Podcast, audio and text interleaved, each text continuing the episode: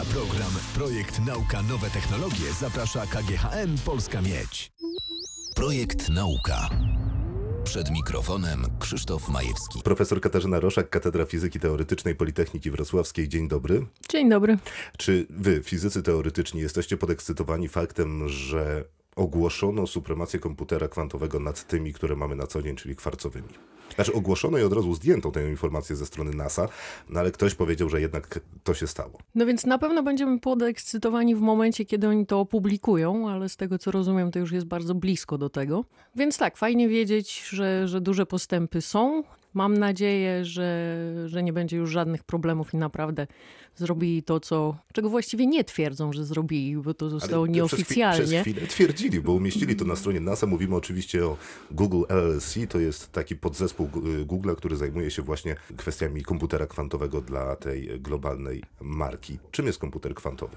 Pytanie jest bardziej skomplikowane niż by się wydawało, Ja dlatego wiem, że. zadać proste pytanie naukowcowi to najgorzej, co można zrobić. Więc tak, najpierw trzeba by się zastanowić, czym jest klasyczny komputer, czyli ten normalny komputer, z którym mamy do czynienia. No to dosyć łatwe. Maszyną obliczeniową, gdzie taką najmniejszą jednostką obliczeniową jest bit, czyli moment, w którym jest przesyłany prąd. Tak, czyli w gruncie rzeczy komputer klasyczny jest rozwinięciem praktycznym czegoś, co się nazywa maszyną Turinga. I tam idea była taka, żeby model matematyczny powstał po to, żeby pokazać w gruncie rzeczy, że nie wszystkie zagadnienia da się rozwiązać algorytmicznie.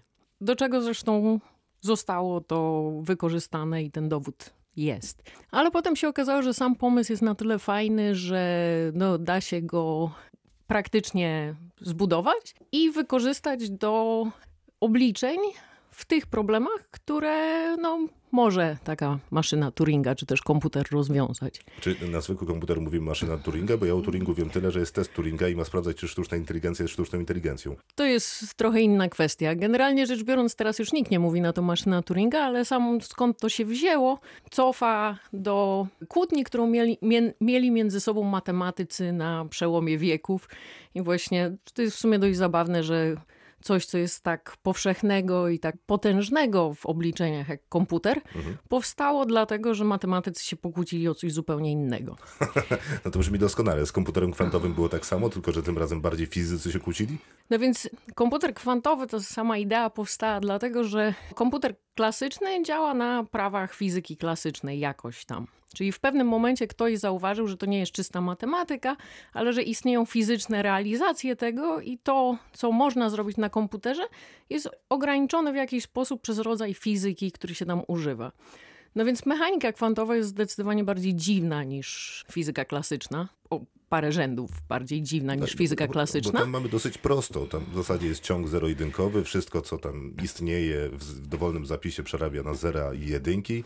No i później tam, gdzie zero to nie przesyła prądu, tam gdzie jeden to i owszem, no i się liczy. Czyli w ten sposób komputer klasyczny można by też zrealizować przy odrobinie samozaparcia przy pomocy wody albo czegokolwiek. mrówek. to jest, albo mrówek, dokładnie, też pan Terego, Terego Pratchetta czyta. Tak, to prawda. W fizyce kwantowej możliwe są rzeczy, które zdecydowanie nie są możliwe w fizyce klasycznej i ktoś w pewnym momencie, to się jakoś wywodzi daleko do Feynmana, ale badania nad tym są dużo młodsze, to ma tak za 20-30 lat pewnie, zauważył, że skoro ta fizyka jest tak jakościowo inna, to może dałoby się na niej zbudować algorytmy komputerowe, które mogłyby albo rozwiązywać inne zagadnienia w ogóle, takie, które tam w tej pierwotnej idei byłyby nierozwiązywalne przez klasyczny komputer, albo może, jeżeli tego by się nie dało, mogłyby rozwiązywać te same problemy, które klasyczny komputer, tylko szybciej.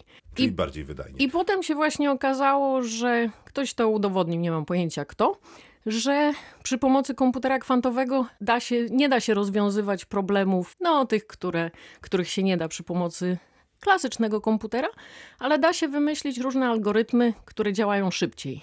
I to tak znacząco szybciej. No dobra, ale jestem w stanie sobie wyobrazić, jak wygląda procesor tego komputera, który stoi tutaj obok nas. Nawet doskonale wiem, jak on wygląda, więc rozumiem w gruncie rzeczy jego zasadę. Ale zanim zaczniemy rozmawiać o kubitach i superpozycji tychże, to jak wygląda komputer kwantowy?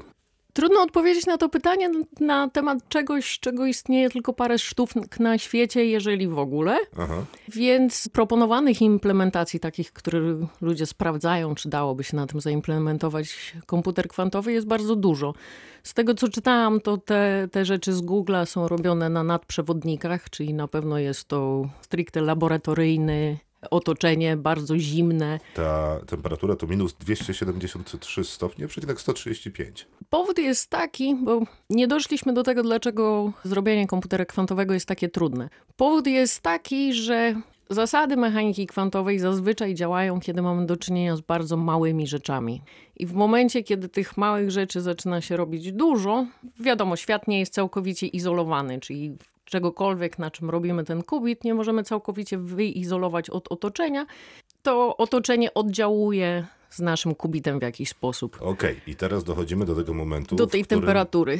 W momencie, w którym zaczyna być obserwowany, zmienia swoją, swój stan skupienia. To wbrew pozorom nie jest problem. Stan, nie stan skupienia. Czyli problem jest taki, że świat jest jakoś tam brudny, mamy oddziaływania małego kubitu, który byśmy chcieli, żeby się zachowywał tak, jakby się zachowywał w stanie naturalnym, ale on oddziałuje z całą resztą świata i to zaburza ten właśnie jego stan. I im jest niższa temperatura, tym te zaburzenia są mniejsze, no bo jak jest niska temperatura, to wiadomo, wszystko się nie chce ruszać i, i jest tego... mało energii, która nam może coś zaburzyć. A my właśnie tego chcemy, żeby on zajął jedną pozycję. A... Żeby on się zachowywał kwantowo. On nie musi zajmować jednej pozycji, tylko chodzi o to, żeby on się zachowywał kwantowo, a kiedy coś małego oddziałuje z czymś dużym, to to się zaczyna zachowywać w taki sposób, tak jakiego jesteśmy przyzwyczajeni, czyli jakby było kawałkiem fizyki klasycznej wytrącamy go z tej superpozycji, która jest w zasadzie kotem Schrödingera.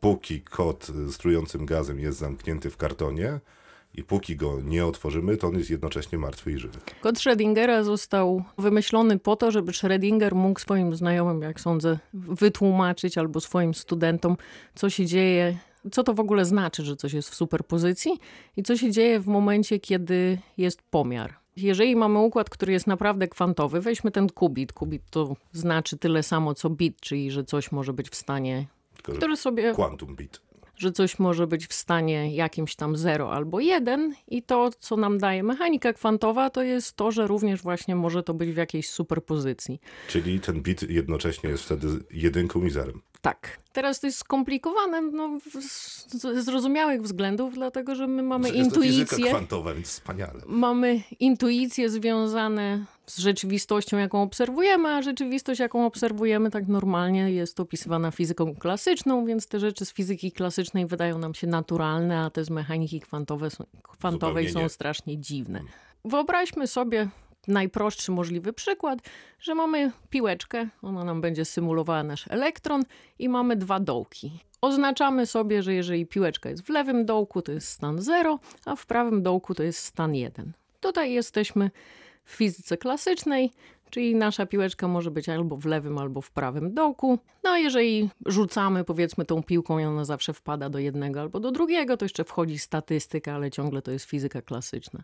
No więc w mechanice kwantowej w pewnych sytuacjach może być coś takiego, że ta piłeczka jest jednocześnie w lewym i w prawym dołku, ale to wcale nie znaczy, że po prostu nie wiemy, w którym dołku ona jest, tylko jeżeli będziemy wykonywać na niej jakieś operacje, to ona się będzie zachowywać w taki sposób, jakby była w lewym i w prawym dołku jednocześnie.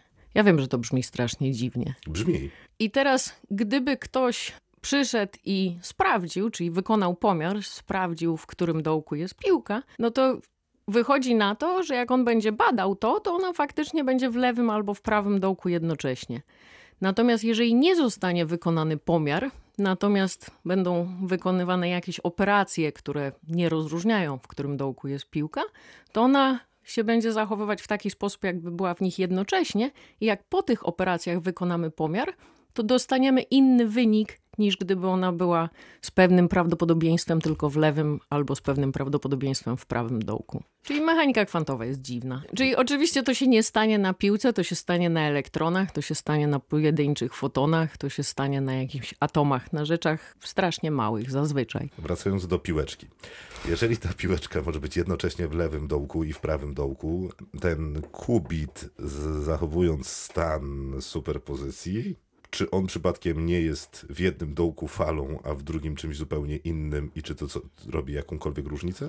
Tutaj wchodzi pan w dualizm korpuskularno-falowy. O, nie I chciałem. to jest, to jest... Na pewno nie e, chciałem. Mm-mm.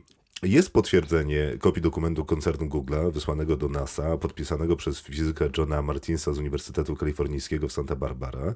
Z treści tego pisma, do którego dotarli dziennikarze portalu internetowego Fortune, wynikało, że Google posiada 54-kubitowy procesor o nazwie Sycamore, w którym 53 kubity są funkcjonalne. Czyli rozumiem, że zrobili 54-kubitowy procesor, jeden tam nie działa z jakiegoś powodu, no a te 53 kubity liczą jak szalone. Ale czym się to obserwuje? W sensie wyniki tych obliczeń. No, na samym końcu mierzy się kubity. Dostaje się wyniki pomiarów i z tych wyników pomiarów odczytuje się, co komputer policzył.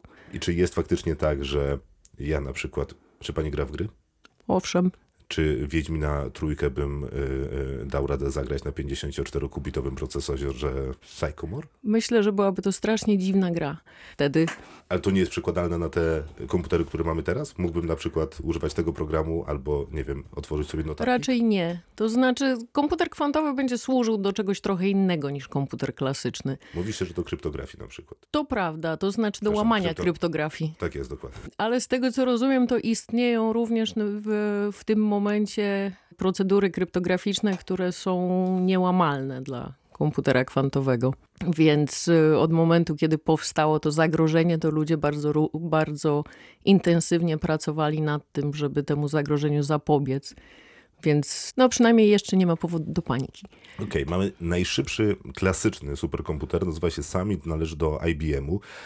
Jego zdolności obliczeniowe są jakieś niewiarygodne, ale procesor Google'a, ten 54-kubitowy, o którym mówiliśmy przed momentem, zrobił taką rzecz, że wygenerował przypadkowy rozkład liczby w systemie dwójkowym, a następnie zdołał go błyskawicznie sprawdzić i potwierdzić wynik. Cały ten proces zajął mu 200 sekund. Natomiast temu y, superkomputerowi IBM-u, co to jest najszybszy na świecie, zajęłoby to plus minus 10 tysięcy lat. Ja szczerze mówiąc nie wiem, co to znaczy i nie wiem, co zrobił ten s- ym, komputer y, kubitowy, poza tym, że wygenerował losowy czy też przypadkowy rozkład liczb w systemie dwójkowym.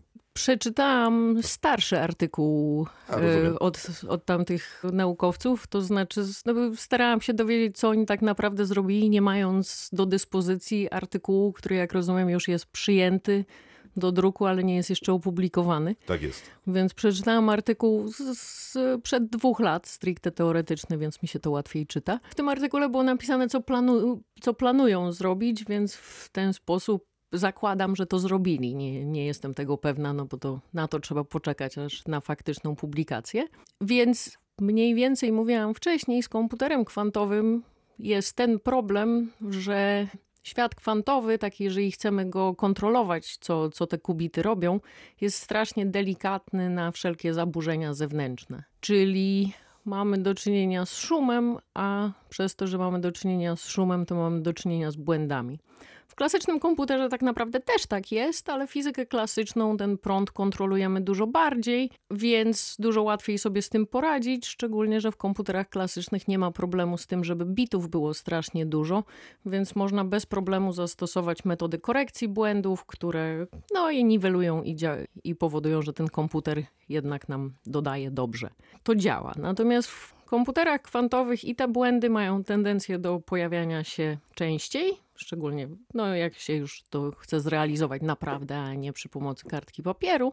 I problem jest taki, że mnożenie bitów kubitów jest problemem. Zrobienie działających 54 kubitów no, zajęło ludziom ostatnie 20 lat, a 54 to tak naprawdę nie jest strasznie dużo. W każdym komputerze klasycznym jest bitów o wiele, wiele więcej.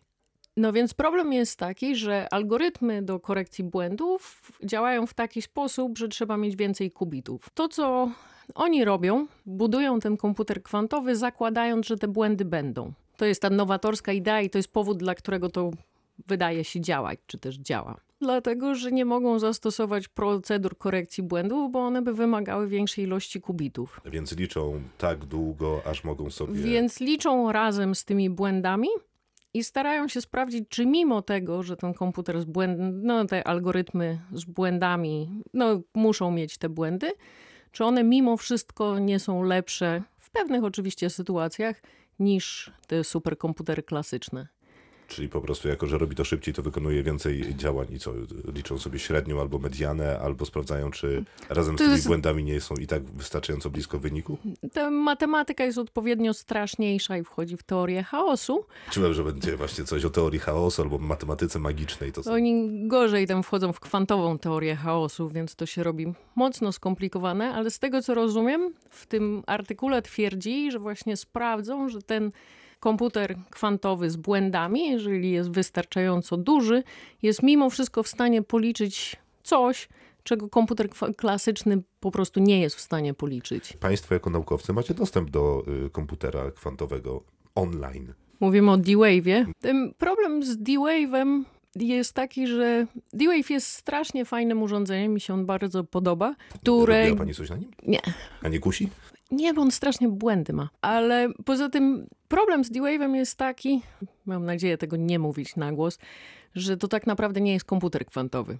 O nie. E, Profesor e, Katarzyna Roszak, Katedra Fizyki Teoretycznej Politechniki Wrocławskiej. Serdecznie dziękuję. Dziękuję. Na program Projekt Nauka Nowe Technologie zaprasza KGHM Polska Miedź.